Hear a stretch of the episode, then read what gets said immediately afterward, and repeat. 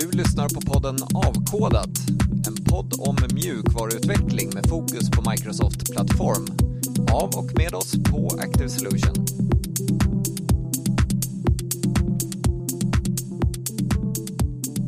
Alright, så varmt välkommen till det här avsnittet utav Avkodat efter eh, sju eh, svåra sorgetimmar, eller på att säga, men 17 svåra sorgminuter när vi har försökt slita med att få ljudet igång här på Svetug i Liljeholmen i Stockholm så är vi äntligen igång. Vi är nere på en mikrofon som vi delar på nu här. Och de som delar på de mikrofonerna det är jag, Robert Folkesson och Jakob igen. och Martin Björkström. liten specialgäst som vi har idag. Eh, Jättekul att du är med igen i Avkodat, för du har gästat oss tidigare, men det var ett tag sedan. Ja, vi konstaterade det var fyra år sedan. Oj. Svetug, Svetug 2020. Tiden går. Strax, stra, strax innan covid. Ja, men det är, ja, det är helt fantastiskt. Och Fantastiska vi, tider. ja, Ja. vi har lyckats hålla igång podden i alla fall. Vi Ja. pratade just om det innan, att det är väl någon så här 97 procent eller någonting utav alla poddar som startas som inte överlever sitt tionde avsnitt, tror jag läste någon statistik kring. Men inte vi, vi står starka Vi står starka. efter 43 imponerande avsnitt.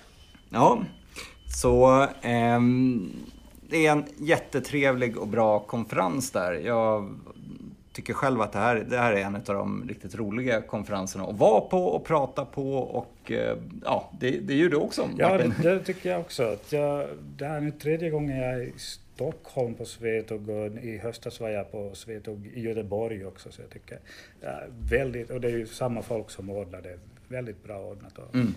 Det är en rolig konferens att vara på. En skön Eh, communitykänsla. Ja, att om man bara väljer en konferens så ska man absolut välja Svetug. Det är nog, det är Ja. nog min, min åsikt. Och Devsam, Och Devsam, som, ja, som också är bra. Och, och Devsam, ja. Jag har, inte, jag har inte valt den ännu, men kanske, Nej. kanske det här året. Ehm, och ehm, vi, vi kan återkomma till vad du har talat om Martin. Ja. Ehm, men Jakob, du har ju precis trillat ut från en session som Ja. du har hållit. Ja, precis. Det är alltid skönt när man har liksom fått Ja, det klart. post-session. Ja, det är lite svårt att koncentrera sig på annat innan man har liksom levererat sin sektion. Men ja, precis, jag pratade nu efter lunch här om eh, Semantic Kernel och eh, AI och eh, lite kopplat till allt det som vi håller på med mycket nu sista halvåret, året. Just det. Och börja se på hur vi kan använda AI för att bygga liksom co-pilots eller bygga integrationer med kundernas egna system. Och sådär. Så jag visar mycket demos och hur, hur Semantic Kernel kan underlätta det egentligen. Och vår egen lilla, än så länge lite lek co-pilot, men som ändå kan bli kanske någonting som vi kan använda oss av. Mm. Den, den börjar bli mer och mer potent. Mm. Ska jag nämna det för dig Martin, att vi, vi, har liksom, vi bygger en, en egen Active Copilot Okej. som kan göra sånt som att titta i vårt ekonomisystem, titta i vårt Ah, planeringssystem intressant. och liksom be- besvara frågor ur personalhandboken och liksom Ah, sammanfoga det här. In, intressant. Ja. Jag har mest följt med vad er kollega, det här Peter, jobbar med på LinkedIn. Han Ja. hade det här Sell Me This Pen. Just det. var- Det är väldigt, väldigt rolig. Ja, Intressant Ja, applicering av, av AI. ja verkligen. Den, den blev ju så otroligt stor när OpenAI la ut den bland sina featured. Ja. På, Precis. så det var jättekul. Då sprang det iväg. Men det finns otroligt mycket roliga och spännande saker man kan göra med teknologin. Ja. Samtidigt som det kommer mycket utmaningar förstås också. Det är ett Mm. lite annat sätt att tänka och bygga applikationer på. Och det gäller väl också att förstå när det är vettigt att Både när det är vettigt att, att använda en generativ AI-tjänst till skillnad från att verkligen ha kontroll, imperativ kontroll över vad som faktiskt händer. Och hur man kombinerar det här på ett bra sätt. Precis. Precis, och det är ju lite just det som Semantic Kernel underlättar då, att man kan mixa liksom, språkmodellerna med eh, egen native kod. Eh, så att du kan hämta data och göra saker som den är dålig på. Klassiskt exempel är, är liksom eh, matte eller beräkningar. Som en språkmodell kommer alltid svara glatt vad 10 gånger 20 är, men eh, hälften av gången kommer det vara fel. Ja. Så att säga. Eh, och det är ett sånt ex- klassiskt exempel på när man vill ha kontroll och köra egen kod. Mm. Eh, Så att, eh, ja, men det är spännande. Så att Så jag kan tänka mig att, att om ni, som nu det vad du nämnde, ekonomisystem och personalsystem, ifall ni som skulle vilja på ett annat sätt så de skulle behöva bygga upp det här så otroligt med strukturerad data och Mm. för att kunna göra sökningar och korreleringar och allt så det skulle vara sånt jobb. Så det var säkert intressant att ha byggt en Mm. egen, egen semantisk kernel av detta. Mm. Ja, men det, är- det är just det där när att förstå när det behöver vara deterministiskt och inte och hur man sammanfogar dem. Det tycker jag är ett enormt spännande område. Där, och där håller vi på att lära oss allihopa, tror jag, som kollektiv i utvecklarbranschen. Hur, hur man ska göra det på bästa sätt. Ja, Hade, ni- hade inte ni också någonting kring vad det är, Palmemordet eller de som matade Just det. som man kunde sö, söka i det här Palmearkivet och sånt. Så det är också intressant Ja. applicering. Det blev enorm media-hype som ni hamnade i ögat utav, du och Peter. Ja, precis. Det var ju liksom en perfekt storm där av liksom ChatGPT var ju så otroligt stort då på allas läppar och sen så Palmemordet är ju liksom alltid intressant. Så att, att vi kombinerade de två, det, det, Så lö, löste ni det? nej, det var det alla frågade och det, jag kan tyvärr inte svara på den frågan. nej. Ja. Men, men det var också då jag själv fick upp ändå ögonen för hur, hur kraftfullt det där sättet är att kunna navigera information med, med ett chattinterface och kunna fråga, ställa följdfrågor utan att behöva lära mig ett nytt system, ett komplicerat söksystem. Utan det är väldigt lätt att, att ta sig till ett sånt system. Det, det var ändå en ögonöppnare faktiskt. Ja, Det är nog definitivt fram, framtiden att Ja. som söka eller ta reda på information från ostrukturerad Ja, data. och liksom att, att konversera med din applikation istället för att liksom ha ett massa väldefinierade gränssnitt. Det kommer nog finnas det också, men, men i högre grad tror jag vi kommer att konversera med våra små assistenter eller co-pilots Ja. framöver. Eh, Men din session Martin, den eh, handlade om någonting helt annat. Du inledde morgonsessionen, första Ja, sessionen ja. på Svetug. Ja, jag in, inledde Svetog. Det var egentligen första gången jag fick inleda. Oftast har jag nog fått köra första dagen, men jag inle- inledde så det var trevligt, som, som Jakob sa, det, trevligt att få det, få det undan så man kan koncentrera sig på annat. Och jag pratade då om eh, ett, vad ska man kalla inte kanske ramverk, men en, jag tror Microsoft själv kallar det för en stack som heter .NET Aspire. Och eh, ja, du var ju själv, själv där. Har du några funderingar och frågor kring Aspire? Ja, eh, till att börja med, jättebra session. Tackar. Eh, Stort tack för den och perfekt introduktion för mig som, jag, jag har liksom sett lite brus om det Ja. men jag har inte eh, jag har inte läst på eller labbat med det själv. Eller, så, att, så att för mig var det verkligen en, en väldigt bra intro till vad det är för någonting.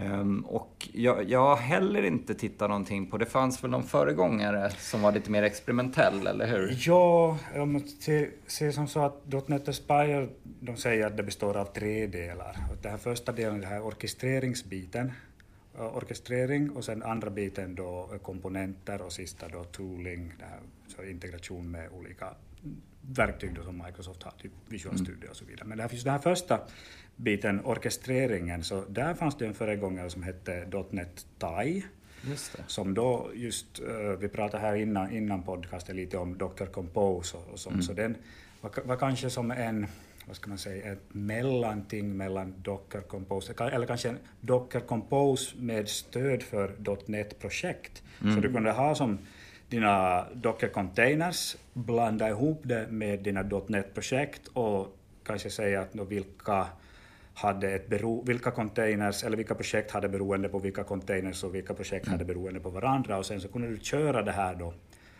Och så, fick, så spann du upp alla dina containers och startade alla .NET-projekt och så hade du många projekt som kört samtidigt. Så det är liksom en multiprojektstug då för att kunna ha sina beroende och sina projekt starta samtidigt.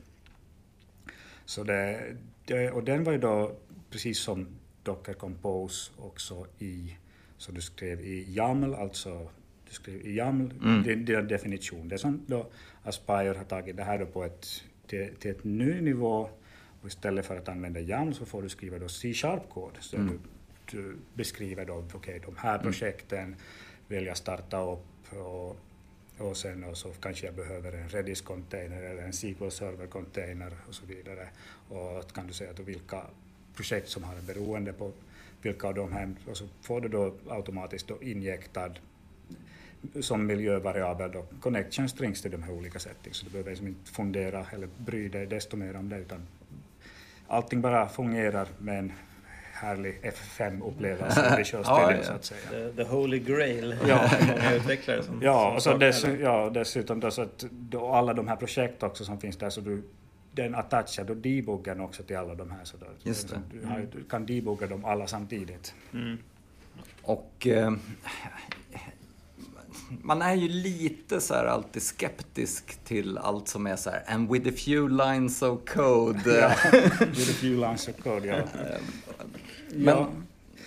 men nu är det ju, de som ligger bakom det har jag ändå visst förtroende för. Ja, jag har så de som jobbar ganska mycket med det här Aspire, så just eh, David Fowler, Just han, han, han jobbar jättemycket med Aspire och han, han tror stenhårt på det här. Och sen också från det här Orleans-teamet, Ruben Bond jobbar också en hel del med Aspire, så jag speciellt och som du säkert sa har hårt förtroende för det, det här, de här folket, så att jag tror nog det, det, det blir bra. Sen har de ju då också då en väg vidare hur du kan ta det här då, så som vi pratade om den här föregångaren då, .NET TIE, den, med den kunde du då till exempel deploya till Kubernetes, ditt, eh, hela ditt projekt då. Men det som då .NET, Ta- det här Aspire gör då istället, är att den egentligen slutar där, den deployar ingenting egentligen. Utan den, utifrån din C-sharp-kod då, hur du beskriver dina, dina services och beroenden, så utifrån det kan du då generera ett manifest så att andra verktyg då som kan det här med deployments bättre, till exempel Azure Developer CLI eller något annat, kan ta det här manifestet då och generera då till exempel bicep-filer och så vidare. Så du kan då så får du den här infrastruktur, infrastruktur som kod som du då kan ta vidare och deploya till Azure. Mm. Och det här vet jag blivit diskuterat kanske tidigare, man, man vill ju inte ha, kanske ha den här right click publish, Nej, publish nej. utan man vill ju nog ha då sin, sin infrastruktur faktiskt som kod någonstans. Och, och det här gillar jag också, att veta vart gränsen bör sluta för det- här Verktyget, verktyget. ja. Da- Och, och veta att sen finns det bättre verktyg redan som löser det problemet. Det gillar jag. Ja, och som idag så finns det ju två, två verktyg som förstår sig på det här manifestet. Det är Ett av dem är Azure Developer CLI, då ifall du vill, vill deploya till Azure eller bara få upp en testomgivning eller vad som helst. Och sen finns det ett community-projekt som heter Aspirate som då kan generera Kubernetes manifest utifrån det här. Då får du en bra startpunkt då för att få alla dina services då på Kubernetes. Säg inte att du ska använda dem rakt av, du kan ju kanske justera dem enligt ditt tycke och precis som du vill ha, men du får, du får en början Mm. åtminstone, vilket alltid kan vara bra. Ehm, Men en sak som jag fortfarande ehm, efter din session också känner mig lite så här ehm,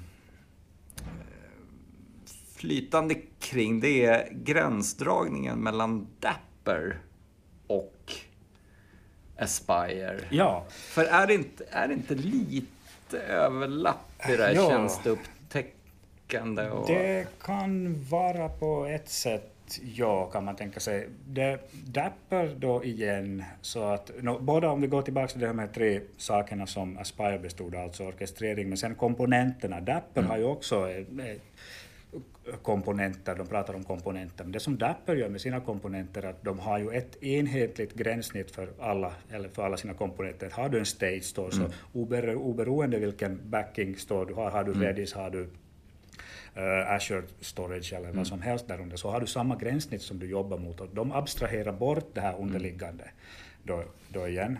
Och uh, Aspire då igen, så deras komponenttänk är ju inte att abstrahera bort det underliggande servicen utan bara att hjälpa till med att konfigurera just sån här nu måste jag prata svengelska, men resiliency, alltså vad ska jag säga, fel, feltålighet kanske, och, och, och, och health checkar och sådana grejer. Så du får allt sånt med en rad av kod till exempel. Då.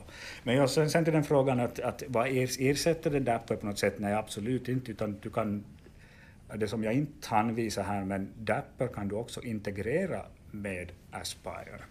Du kan, precis som där, du kan köra, det finns ett, ett paket som heter, heter Dapper Hosting och så vidare. Så att där då kan du sätta upp alla dina uh, Dapper-projekt i, i den här C-sharp-filen och eh, då, precis som vilken Aspire, Aspire app, app som helst så kan du lägga din beroenden. Och den här då, om du uh, markerar dem som Dapper-projekt då, så kommer det, när du trycker F5 så kommer det att, att, kö, att starta upp den här Dapper sidecaren om inte redan körs och sen injekta alla de här alla de här, jag minns, jag vet att kör du en Dapper, en, mm. en Dapper från command-linen så är det ju en äh, jättelång command-line-sträng mm. du ska köra in, så det här sköter den ju om också, mm. då också, så det blir också lättare att köra Dapper med hjälp av Aspire till exempel. Mm. Och samma gäller också för uh, Orleans, har den också, eller kommer det att komma stöd för just att köra så det... Så, om, ja, ja, förlåt. Jag, jag tänkte om, om, man nu har en... För .NET Aspire känns ju liksom lite mer opinionated och framförallt kanske mer, eller huvudsakligen .NET. Ja. .NET. För både Docker Compose och Dapper är ju mer liksom, de är ju egentligen väldigt plattformsoberoende. Där ja. är det lite mer den här mikrotjänsttanken, att du ska kunna skriva mikrotjänsterna i olika ramverk, olika språk och ändå mm. kunna sy ihop det där. Mm. Och liksom, jag har använt Dapper då som ofta kanske just den här service discovery-delen, att ändå kunna starta upp projekten och de kan prata med varandra lokalt och de pratar på samma sätt om jag deployar det till till exempel Kubernetes eller till container apps. Mm. Det är ju en trevlig feature, även om det, det är fortfarande inte alltid helt smidigt lokalt, men det funkar ändå ganska bra lokalt. Ja. Men om man nu har ett, ofta har man ändå då ett .NET, mm. en, en solution med en massa .NET-projekt. Och så använder man Dapper för Service Discovery. Skulle du mm. säga då att det skulle vara en bättre fit då egentligen att säga att vi kör .NET är det inte bättre då att ha ett sån typ av ramverk som är mer anpassat för att köra just .NET ja, applikationer och skippa Dapper för det, för, för det scenariot i alla fall, just det här med Service Discovery och Resiliency? Ja, det beror ju på. Dapper har ju det, där är ju som Service Discovery, Resiliency och så vidare, allting är ju inbyggt då i det här Dapper sidecaren mm. egentligen. Mm. Så att där när du anropar någonting så anropar ju din applikation först Dapper sidecaren som anropar en annan Dapper sidecar, eller som vet då var den andra ligger, anropar en annan Dapper sidecar som då anropar den servicen som ligger där. Det är som om vi tar det här Service Discovery då i, i .NET Aspire Fire. Så den fungerar ju lokalt då till exempel med bara miljövariabler. Men sen då kör du på Kubernetes så använder ju direkt den här DNS-servicen mm. i, i Kubernetes då för Service Discovery som redan finns till exempel. Mm. För att heta min service då API-service så då hittar vi den med hjälp av API-service i Kubernetes. Vi behöver bara köra en DNS-request dit. Mm. Så att det, använder du dig bara av de små sakerna i Dapper, du inte använder dig av av det här State Storen eller, eller Secrets eller Actors eller, mm. eller Workflows var ju någonting som var nytt här. Så mm. då kanske du inte behöver Dapper egentligen. Okay. För, för, min bild är ändå ja. liksom att det är, även om man har Dapper så är det lite knöligt att få till det här F5 mm.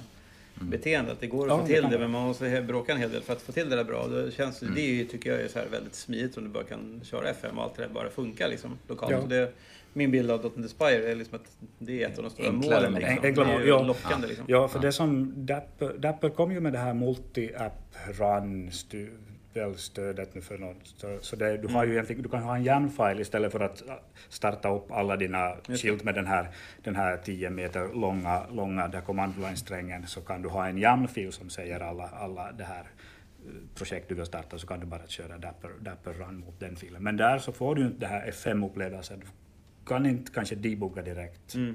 i Visual Studio utan då måste du kanske, ja, nu är jag inte sån expert på det här så jag kan inte säga, vi har ju Mark här som kanske mm. skulle kunna berätta mer men, men också, om du får den då i debugläge och du kan då attacha din debugger och så vidare. Så, men, mm. så just för att starta upp multipla projekt och med dependencies färdigt och connection strings färdigt det här injektade i dina applikationer så tycker jag Spire är jättebra. Och samt att det kommer med en väldigt snygg dashboard. Mm. Så där var du får en bra överblick av hela din applikation där du, du ser alla, alla traces, distributed traces, du ser metrics, du ser loggar och allt rubbet. Ja, ja, den såg riktigt trevligt. En, en sak som jag funderade på det var när man tar det här ut i produktion, ja. hur eh, fin, finns det några smart sätt att hantera autentisering till den här dashboarden eller får man tänka på det själv? Eller den här går... dashboarden är egentligen bara local dev okay. tills vidare. För att dashboarden den fungerar också som en open telemetry server så att när dina applikationer då exporterar sitt open telemetry data så exporterar det till den här dashboard-servicen då. Men det ligger ju bara då i minne. Mm. Så att när du kör i produktion så vill du inte exportera dina loggar till någonting som bara ligger i minne utan du vill kanske exportera till Application Insights, Log Analytics mm. Workspace, mm. Datadog, uh, Elasticsearch, mm. whatever. Mm. Så att, så att i, i dagsläget så vet jag att den här, eller så är den här dashboarden enbart tänkt för lokal utveckling. Mm. Men jag tror att de för nästa preview faktiskt bygger loss den här dashboarden som en egen container. För man skulle ju vilja, man skulle vilja ha det här, det här samma. Den, ja. ja. man vill ju ha. Så de bygger loss den som en separat container, vilket betyder att du kan ta den här dashboarden och publicera den också ja. i produktion. Men då kan det ju vara skäl att då ska du inte ha din logga förstås bara i minne. Nej, nej. I det där Ändå. Men, då, då men, du ha den men just att få den här realtidsövervakningen ja. är ju fantastiskt. Ja, det är, det är fantastiskt fint att få, att få så det tycker jag är ja. intressant. Och, ja, då, och då, men då är det ju förstås som du menar, säk, hur du säkrar upp den här dashboarden. Nå, kör du det som en egen container, då säkrar du upp den med nätverket kanske i, i strypningar eller bara, bara åtkomst internt eller vad som helst. Precis, eller, eller som i Kubernetes-världen, att man tunnlar tillbaka no, du tunnlar, på något sätt. Mm, ja, du, kör det, du, ex, du exposar inte här porten Nej. publikt utan vill du ha det så, så tunnlar du den lokalt till din maskin via, med hjälp av mm. kubkontroll och kubectl. Eh, och jag tänkte på en annan sak som eh, var så otroligt smidig. Det var ju sättet som man kunde lägga till tjänster på. Det finns lite färdiga NuGet-paket för att direkt kunna addera sånt som ja. Redis till exempel om man vill ha en distribuerad cache. Eh, men det fanns ju också ett sätt att lösa det här age-old problemet som vi som arbetar med servicebuss alltid har haft, att det finns ingen lokal emulator utav servicebussen. Ja, Vilket smidigt sätt att eh, lite mer dynamiskt skapa upp köer och testa med. Ja, vi hade ju, vi hade ju eh, faktiskt en från Microsoft där, där i publiken. Han började direkt skratta när han visste vad det var tal, vad det var tal om. För ja, att alla vi som, som jobbar med Azure så vet ju att ja, okej, okay, Azure Storage jättebra, du har en jättebra storage, sto, sto, storage-emulator. Ja. Uh, Cosmos DB kanske emulatorn inte så bra, jag vet inte, det fungerar kanske. Uh, SQL Server är jätteenkelt att spinna mm. upp en container, men nu kommer man till den här servicebussen, det finns ingen emulator. Nej. Så mm. vad folk har gjort då oftast, att no, no, alla kanske har Visual Studio så du har den här MSDN-licensen, så allihopa spinner upp en egen en egen uh, service bus namespace och konfigurera den manuellt. Eller, eller köra någon så dynamisk startup-konfigurering uh, ja. för alla som är någon...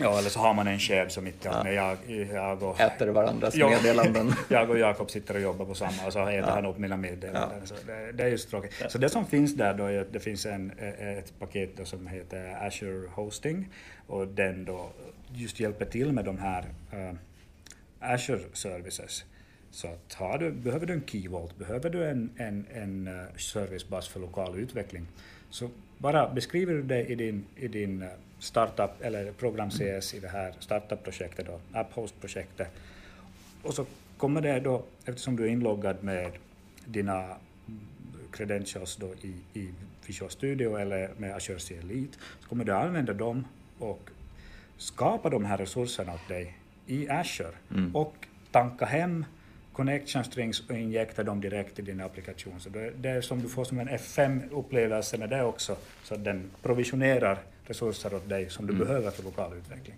Mm. Och det är ju någonting som är, är fantastiskt just för servicebus till exempel. Det är AppHost-projektet, det, det, är liksom, det kör man bara lokalt? Det, det kör du bara lokalt, ja. Nej, nej. Okay, ja, det är smart. Det, där, var väl, där hade ju Dapper någonting som funkade hyfsat bra just på grund av den abstraktionen som du nämnde. Så kunde man till exempel köra, om man körde servicebus i i, i produktion så att säga, så kunde mm. man ju lokalt ersätta det med typ Redis så att säga. Det får inte riktigt samma funktionalitet. Nej. Men, men det, det, tänket funkade i alla fall till en bit där. Mm. Men det här tycker jag låter väldigt eh, smidigt, det är precis så man skulle vilja ha det. Det är, det är smidigt, det är smidigt och, det, och det som gör att uh, när vi kan beskriva det här i C-sharp-kod gör att de här, det här också är väldigt lätt att uh, extenda, bygga mm. vidare på. Så att vem som helst kan ta och bygga vidare på det här och göra egna, egna sådana här provisioning-saker. Så en mm. sak som jag har lekt med här lite var till exempel, jag tycker om SSDT, jag vet inte, tycker ni om SSDT?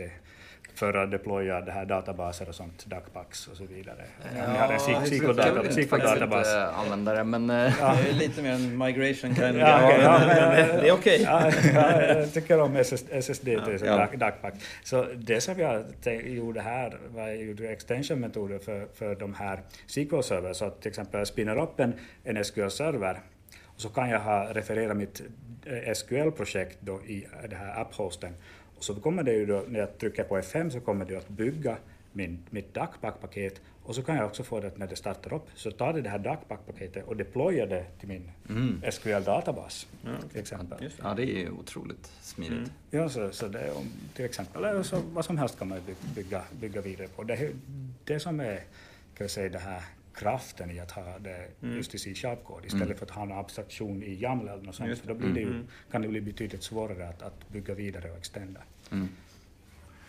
Så om, om vi skulle avrunda med att och säga när, när bör man titta på Aspire då?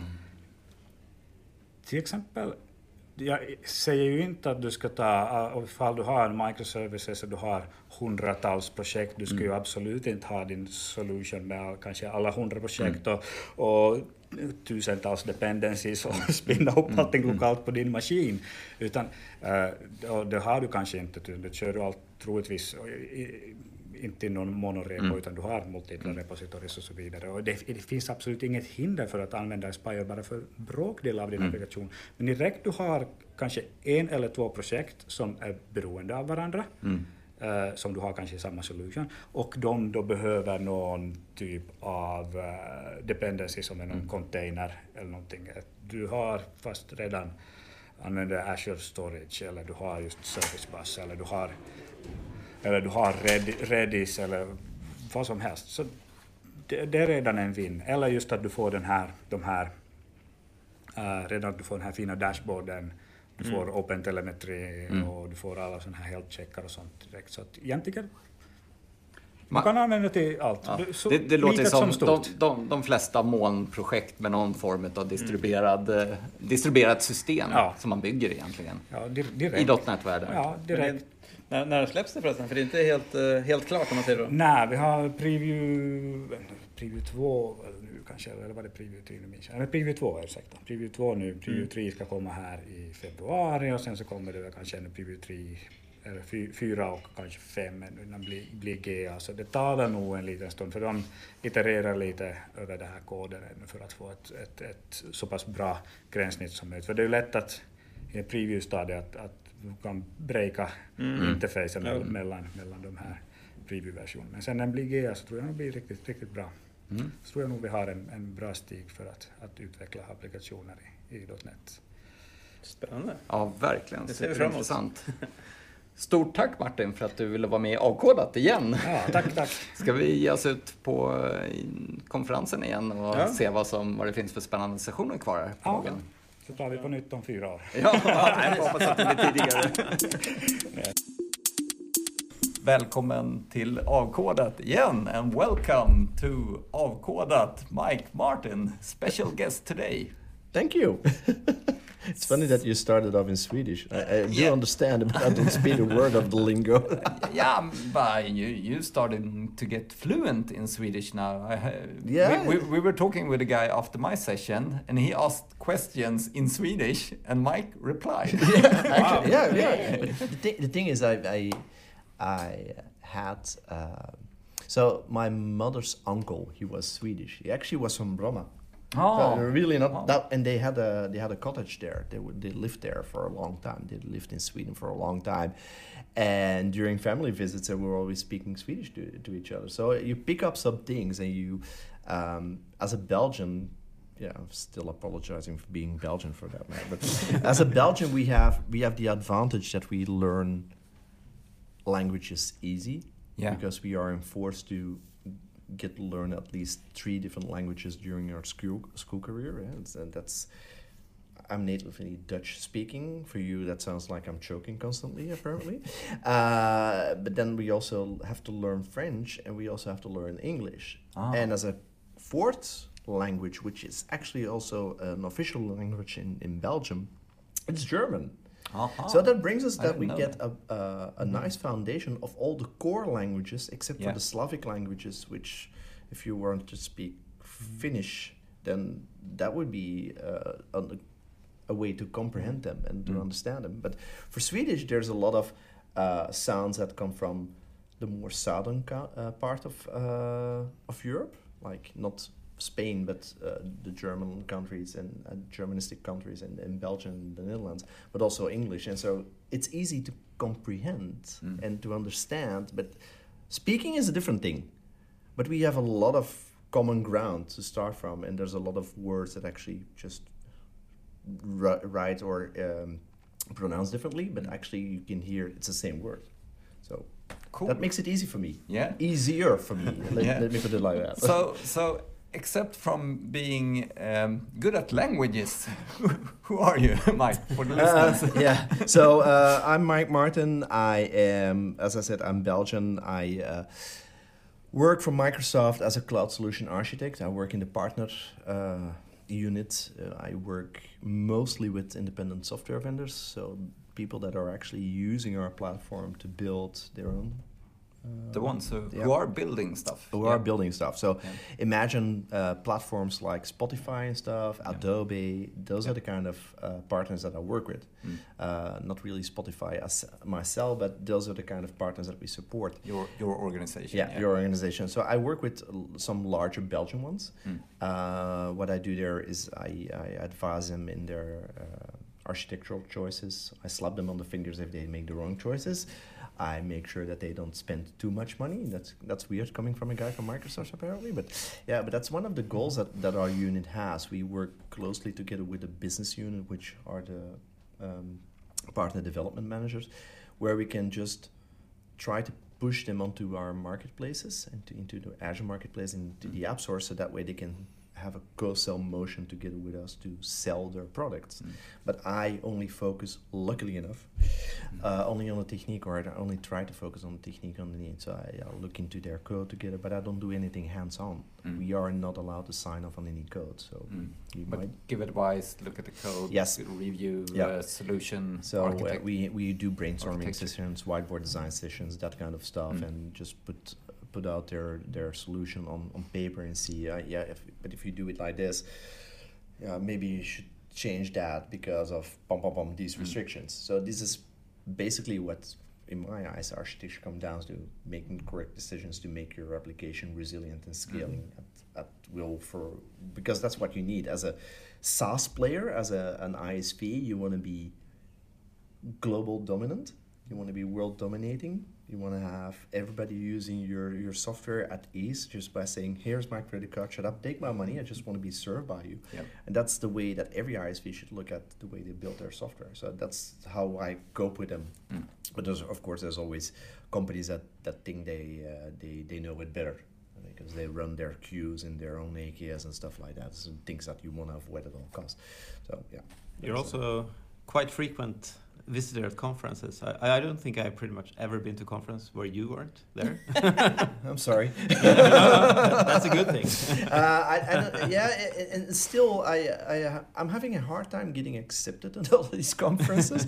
Maybe because my reputation sees me for that. But yeah, I, I still love to do that. I, I used to be an MVP before I Mm. joined Microsoft. So before I went Blue Pill, I went. Um, I still did the community thing a lot. Yeah. I still do the community thing a lot uh, because I s- organize conferences myself. I do two large conferences a year, uh, which is Techorama, so Mhm. Belgium and the Netherlands. Still running it behind. I'm not the core organizer, but I'm still a track owner and still running on the floor. And we also have Cloud Brew, which is a, a smaller conference. It- It's the same size approximately as this one. Uh, so Yeah. we are now at Swetugg, which is a very nice conference. It's very uh, community feeling, warm bath that you get like a blanket. It's like that's the way a com- that's the way a, a conference should be. It's not a, a like the French say, an usine à gaz. It's not a factory floor. Uh, It's not like an ignite or a build, but at least you get uh, a nice combination of talking to speakers and talking to doing the networking with the other attendees, and that's that's one of the reasons I keep doing that. Yeah. That and, and sharing knowledge and, and, and showing the world what they should know and how they can avoid like a flat nose because of they're hitting the wall constantly. So that's that's basically. But uh, indeed, I, I tr- still try to frequent conferences if I can, and we do see each other a lot. That's a that's a given. It helps. so, yeah, there's that. It's um, but I, I love doing conferences. It's uh, it's actually that's that's where I feel myself at my best. Mm. Me being on the stage, not because I want to be in the center of the attention, but it, it, it gives me energy to talk to people and seeing the interactions and giving people aha moments. Like if I literally am on the stage, I always my and I don't know how, how that is with you guys, but if you're on a stage and you're talking to people, you always pick out certain faces inside of the audience, and then you see all of a sudden people going, "Oh, there's that," and I. I was I just came out of the uh, this morning out of, of Maddie's session and she just showed a stupid little tweak and went like and that's that's the reason why I'm doing it. Yeah. It's a lot of fun but it also Get- gives me energy to, to Get those ideas and Yeah. those, yeah, that inspiration. yeah exactly and, And- bringing the inspiration back. Yeah. Yeah. And uh, Cecilia, you, you've been uh, busy running the conference. Yeah. A lot of work. Yeah, there's a lot of things to do and a lot of things that can go wrong and but uh, but uh, we have a we have a good crew.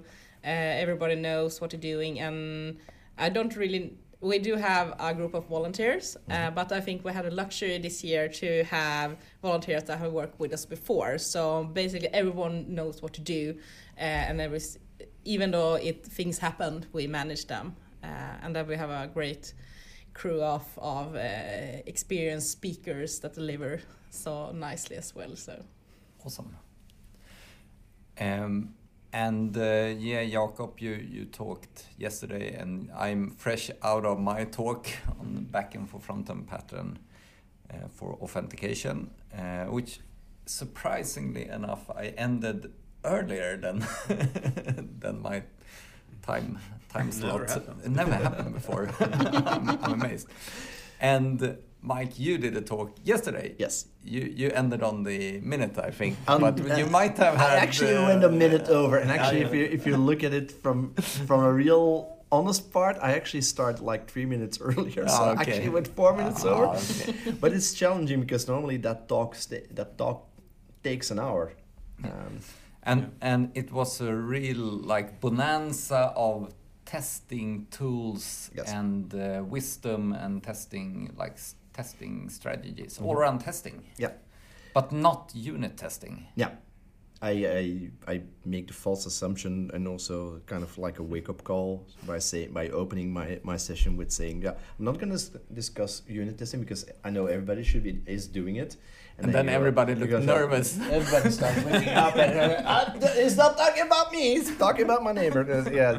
So there's yeah there's that, but it's um, yeah. Um, unfortunately, testing is is a it's an art which is forgotten. I in the past when I was when I was still a real developer when I was every day deep dive into code, Mm. I always thought of testers like yeah you know they just run scripts and that's it. They don't do anything or they just keep in Excel what they're clicking on and that's it and then I got to work for uh, Sogeti, which is a uh, company which uh, from the past came out of a Dutch company called Gitek. And Gitek has a um, build up in the early, in the late 90s a testing methodology called TMAP, and that taught me a lot about the impact of testing, and that it's more like um, it's not reaction it's actually constant feedback that you need to implement. Now developer society changed over the years. We we went from methodologies from waterfall into a more agile way of working and also that testing strategy became more implicit instead of explicit at the end of a, of a full cycle now we can implement testing early in our in our development stages and it's funny that I said nobody's doing unit testing. I do see unit testing happening out there in the wild. Uh, unfortunately, a lot of people are doing it wrong because they, they test either too complex or too too narrow. uh, or not at all. It still happens, but but you can just avoid a lot of other complexities and issues if you do other tests in between. This is basically the message that I want to give, and also showing you that testing doesn't have to be expensive. You don't have to buy specific tools because a lot of these things that I talked about yesterday were free, except Mm. for the exception, of course, of the licensing of GitHub Advanced Security Mm. and. Uh, What's the other thing that is uh, expensive? Yeah, the compute that you need for certain services like Chaos Studio and, and, and load Lo- testing. Load testing if you do, Yeah. do large Yeah. testing. But still still using load testing, I mean it doesn't cost that much Oh, to no. do to do like that safety run. Yeah. Because uh, my experience is that it is often the non-functional requirements, Yes. the quality attribute that isn't tested enough and that makes services fall over in the end. exactly and and, and that's that's what my aim is also with with my uh, uh, mindset i have um, developed a, a, a love for a certain acronym called FINO. Failure is no option. Hmm. It's always there. And you should you should start designing for for your solution for that failure. And if you test frequently and even even no matter what kind of testing you do, there's always going to be something that will improve your resiliency of your Mm. application because that is really what it is about. You want to test and you want to make sure that you, your application, no matter what, stays alive. And you do that either through performance, you do that either through failover, to reliability. It's all these things. So, and the, the things that I'm talking about will actually highlight most of the problems that you can uh, come up with. Mm. And and that is um, basically um, the theory be behind chaos engineering, right? Yeah. That things will fall over. Yeah, yeah. things will Definitely, fail. they, they Deal with guarantee they, They they will fail. yeah. But what happens when it fails? That you can do something. And how can I mitigate, or how can I work around, or how can I just cope with it and and and, and, and Yeah. I mean, we're old schoolers around the table without showing age, but. Um, I just heard old. no, no, no, no, no, no, no. Uh, uh, okay, let me let me rephrase myself. We're experienced. Again, showing old now. But there used to be. Uh, I don't know if you remember the uh, patterns and practices in the past. Yeah. Microsoft patterns and practices. They Yeah. used to have a framework, Yeah. PMP framework, and they had the first retry uh, policy Mm. uh, and fault tolerance uh, injection that you could have, and then just switching over easily database endpoints and all these things. Those are the kind of things that we kind of seem to have forgotten Mm. and we don't test against. And this is where uh, things like chaos engineering actually easily steps in. You just plug out and see what happens, and Yeah. it's like it's like yeah, I'm, I'm pulling away this Jenga block or I'm pulling away this Lego block. Will the house collapse? Yes or no? And Yeah. if it collapses, where does it collapse? Yeah. And that's also a big part of um, of architecture. If you are this, today as an architect, and a real true architect, an, an architect, you know, architects live in different angles and different uh, Yeah. places in, in software development. You have a software architect, but you have a solution architect, enterprise architect on top. PowerPoint architects. yeah, yeah, yeah, for those. yeah. Uh, but if you are a true architect that has been through all these stages, at a certain point in time, you see the connection of the dots. What will it bring to my organization if I unplug a certain service? Mm. What will it bring to um, to my organization as, as failure rate and how long will we be down? What will be impact be? Will I miss invoicing? Will I miss these things? Uh, and that's that's the important part and, and, and it, it shows you how the sum of all can also become the sum of all fears. And that's basically what you're what you should be doing as an architect and keeping testing in mind you design for something and you need to make sure that you understand well what your landscape looks like. And chaos testing for one can help you with that.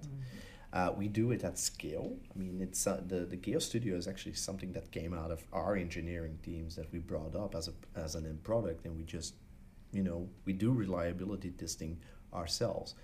Russinovich has a large block on, on how we improve reliability in, in, in, in Azure that's where Chaos uh, Studio came from. But the Chaos, the monkey, uh, Chaos Monkey, and the, the Chaos engineering is nothing new. It's, it's something that exists for about eight years. It came out, came out in the Netflix uh, environment, Yeah. and they're doing it well. So, Yeah. yeah. But I, but I feel like you, you said like these various testing practices that are like forgotten. But uh, I mean, my experience is more like uh, is, is at least most companies I talk to that don't do testing is that they want to do testing, but it's just one of those things that always you know Yeah. comes at the end or like lowers prioritization security. because there's so, so uh, security might be another one. There's so much focus on delivering things, delivering features on time, and there are all all these sorts of other problems. So testing always comes, unfortunately, uh, Yeah. like at the back of the mind. So like unit testing also is like everybody has pretty much a guilty conscience of not doing it. Yeah. We, we know we should, but we don't, and that's just the start of it. Then you have all the other type of testing that you're talking about, and like chaos testing is not even on the. yeah, not even on the radar. No, exactly. Uh, But it should be, and it's not as hard as you think. true. And also, like, so load testing is another one of those that sometimes are being done, but they're typically done once. Like maybe I'm hopeful if, if it's done, it's, it's done once and never again. Uh, so I, I visited companies that said, oh, yeah, we, we do load testing, but they just did it once at the beginning of the project. Or And when maybe it was issue. maybe yeah maybe it was good then, but then like gradually when you continue working, adding things, the the, the performance of the system just gradually decreases and nobody notices because you don't run these things like continuously. So It's, uh, it's, it's a, and actually getting started with it and injecting it, it doesn't cost you any more time. And, to- and to give you another idea, I start my session with talking about Playwright, Mhm. just usability, uh, just end-to-end testing of, of your application. How well is it designed, or how well is it running, and is it doing expecting the expected things? But setting that up, the assertions behind it, it, it- you don't even have to write code for it. You just can click it through and Yeah. just change a couple of things, and it makes it easier. Of course, you can do a lot of more complex scenarios, and then, then I, I also give the advice of never over complexify things. Just keep it st- simple and Yeah. stupid, just like identity. I saw people doing flows that you don't even want to see from up close, just gives you a, a, a, heart attack at, at, at, at side.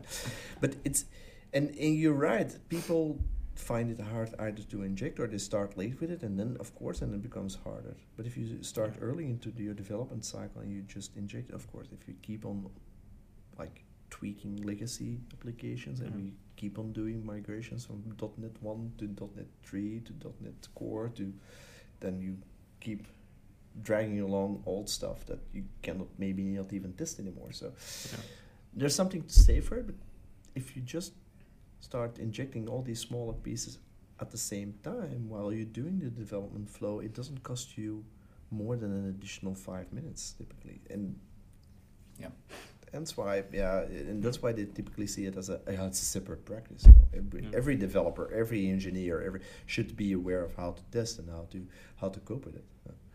So It's it's interesting. Uh, uh, you you showed playwright, and we actually we had the um, episode of this podcast where we talked with a colleague who, who's been doing a lot. Me and Cecilia talked um, with uh, Martin? Ma- Martin. Yeah, another Martin. Mar- Yeah, Martin. Martin, First, first yes. name Martin. yeah, not last name Martin. uh, and uh, but um, we never talked about the Azure part, which I hadn't seen before. Before you showed it uh, yesterday. yeah, so we That, know. that's interesting. Yeah, so we now have um, so Playwright itself is just framework, right? Yeah. It's Mhm. just a, a node framework that you inject and just do npx uh, Playwright test or Playwright codegen and you get started, uh, or use the extension and but that's local. Now, and the testing phase, you can just automate it and just run it on your own runners. And the beauty about Playwright is that it has a headless Mm. and headless uh, part, so you can Mm. do a lot of uh, funky stuff. But what if you want to combine that at scale and would say in, in, in, in multiple users, multiple devices, and you don't want to take like a whole build cycle to just do your testing. This is where Azure Playwright Service came up, which is a testing service at scale, just using the uh, um, Playwright framework, where we just launch runners with a configuration that you start off and you say, I want to run it against 20 runners, 100 runners, and you just do them in parallel, and you just have your results back in Mm. sp- at speed. Where if you're doing it at a CI/CD, you can do You can do multiple ones if you have, like, for instance, GitHub runners and you're using the matrix build uh, build capabilities. You can just do multiple of that, but you cannot point. And this is where Azure Playwright Service comes in. You run it at scale. You just pay the little compute that it costs, and after six or seven minutes, you have like tested against maybe thousand users or thousand workers that Mm. can do that uh, testing for you, the entire scripting behind it. Even dedicated. So there's going to be a lot of things on that roadmap. They are looking into very nice things, even bringing the reporting back, but still early service. We we only went in preview. I think it was November. Mm-hmm. Um, I I started using it already last year in May, so I got early access to it. Uh, the speed of setting it up it's fairly easy. It's like two fingers in the nose. You just generate a key, a token, and you give RBAC ri- rights to the people to run Mm. against it, and you pinpoint to the endpoint, and that that's it. But the configuration stays the same. So you don't have to change a lot for that. And it even can be injected into, into your CI/CD. You spill it off, you get the result back, and done with. So, and this is where where uh, the Playwright service, according to me, will bring together with load testing and chaos testing. Yeah. They all will join forces at a certain point in time Yeah. and we will see the injection in maybe products like Azure DevOps and GitHub and see that even coming closer. Yeah. Nice. Be- because one thing that I thought of was that uh, I really like Playwright's way of setting up the t- tests and being able to program them and and and I really love the Azure load testing way of creating load and the reports it generates and the dashboards and all that. However, uh, JMeter, which is used with Azure load testing, um, is maybe not my favorite Yeah. tool for the offering of the, the tests, and um, um, I, I find it quite Yeah, it's horrible. Actually, it's it's first of all it's an ugly app. But then again, it, it's a, it's an app that exists for what? what Yeah. How long does it exist now? Two thousand and three or something like yeah, that. it, It's, it's really old. I got Yeah. lo- lots of good examples that you can find. That Yeah. that that's a good thing. But I would really love to see like the offering parts of Playwright being uh, Mm. Yeah. integrated with Azure load testing, so you can use that as a base for running the load test. That would be awesome. So there are some there are some experiments going on there. Uh, there's in the learn documentation we actually uh, show you how to use Mm. Playwright in a correct way together with Azure load testing. Uh, so how you can benefit from both worlds. There's even a, a nice project that we that is called Celluloscope, uh, which is a GitHub repo, repo also that you can just uh, use, which uses application insights next to that for the load testing part instead of Azure load testing. So that's also something that you could do. Mhm. But I hear you when it comes down to JMeter, all the different setup things that you need to do and and, and knowing which parameters you need to tweak Yeah. because that's that's the painful thing. And it's yeah, it's harder to script. Yeah, if you want to do some more yeah, advanced yeah. stuff, it, it's a bit And Yeah. uh, specifically, when, yeah, specifically when you have to uh, make all these difficult choices, like what kind of handshake you want to do, what are, what are Yeah. these things that you need to do, uh, how do I pinpoint to backend service and all that stuff. Yeah. That makes it harder. Uh, luckily, we do a great job with, with Azure load testing of, of showing everything into regards of each other, uh, because we have actually a good idea of if your solution is being used, we have a good idea of how uh, points are connected to each other, thanks to ARM and the underlying things. Um, basically, giving you a little bit of an EADB kind of style, so an enterprise architectural uh, database where you have a good view on how interconnection works. Um, but still, it's not enough. Uh, I mean, I showed yesterday. I, that's what I always, always show. It's, it's very nice to see all the metrics of uh, the uh, the front end and the underlying um, uh, infrastructure, like database and stuff. But if you then go into the detailed metrics, where you can also see, uh, yeah, how's what is the memory heap and why is it crashing or something like that. The kind of same things that you have in application insight. Then it becomes interesting. But I hear you when it comes down to configuring the damn thing. yeah. Luckily, if you already have JMeter files, you can just upload them, and Yeah. most of the stuff Yeah. just works. There's some quirks in there that that make it fail sometimes. Um, it also depends on, on what kind of a device that you made it and, and so still very prone to Linux and things and, and those kind of things. So. Yeah. But yeah, I hear your pain. So may, may, maybe you should talk to that team and yeah, maybe they can listen to the episode Yeah, and get some ideas. I, I think I think if you talk to Debbie O'Hara or, her- or is it O'Hara or O'Hara? I'm always uh, I'm always mistaken. So the the the, the Irish gal that is living in Spain, uh, for some reason, uh, she would probably be open to that kind of feedback Yeah, and, yeah. uh, because she's uh, Yeah, she's I'll- I'll she's running she's feedback. running she's running the playwright uh, development and maybe you can talk to her and say hey can you talk to the ATL guys and uh, maybe we, we can collaborate on this. Uh, Um, it's a, cool. that's, that's a tip. So. So uh, we're we're all in the world of generative AI now. So we're Oh. building applications. uh, Mike doesn't look happy now. but, uh, so we're we're building applications Mhm. made out largely by prompts, Mhm. which obviously makes testing a little bit harder because they're not deterministic Mm-hmm. and so on. So and I mean, changing an application going forward will a lot of times being actually changing that prompt, and then maybe you test it for a couple of times. Maybe it looks good, but it's really another kind of beast Mhm. uh, in many many aspects, and testing is one of them. And I know that you, I, I didn't attend your session unfortunately, but I know that you mentioned or talked about little bit about um, prompt flow, Yes. which uh, is at least uh, one part of it is Yeah. to to facilitate that kind of testing. So you can so in the in the new world of ops, eh, we we had them all right. We have FinOps, we have DevOps, we have secure DevOps, we have all the ops. And uh, ops. we also have now IOps or AI ops or uh, what you call LM ops, LM ops. uh, and ML ops, and uh, yeah, you cannot imagine. But the the thing with um, with prompting is that it's it's nature to change, right? And prompts prompts actually adapt themselves because what happens with a prompt is it has context, it remembers the context, it splits up the tokens again, brings them back together, and gives you new context. But it always builds up on what it knows previously. It's just like our language. If we, we the reason why we know how to respond to somebody is because from the past we learned uh, if somebody says something like that, we can actually answer that. Or maybe in the next one, I can actually uh, also answer that because I have a new parameter. That's basically how prompting also works. The tokenization, you split it up and you get results back and then you give an answer back.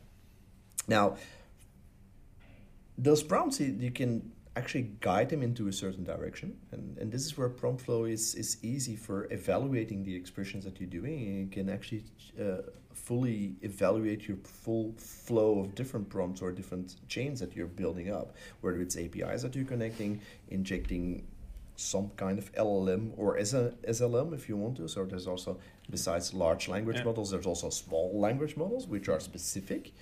Uh, and I'm no AI expert. Don't don't pin me down on it. I hate AI because they've been forcing it into my stomach and it, it, it makes me nuts. But the one thing that I do find interesting is that indeed you need to re-evaluate constantly on that part too, and that that's a very complex matter. I mean, from a machine learning point of view, those guys have that under control. Yeah. But this is a model that is uh, being used by everybody, and nobody has control over the model itself because it it does self generation. Hence why it's generative AI, right? Yeah.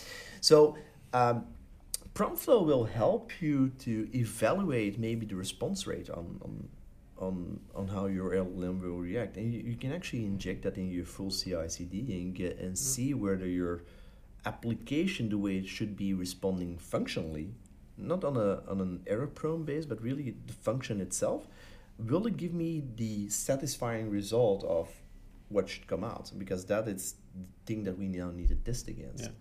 And PromptFlow actually shows you pretty well on how um, is scoring. Uh, so a little bit like we used to have in ML Studio, where you can just see the scoring in the iterations and all the regre- if the regression is good, yes or no. Again, I'm an AI specialist, but this is really like a very stupid way of bringing the result back and saying, yeah, you're passing or you're not passing.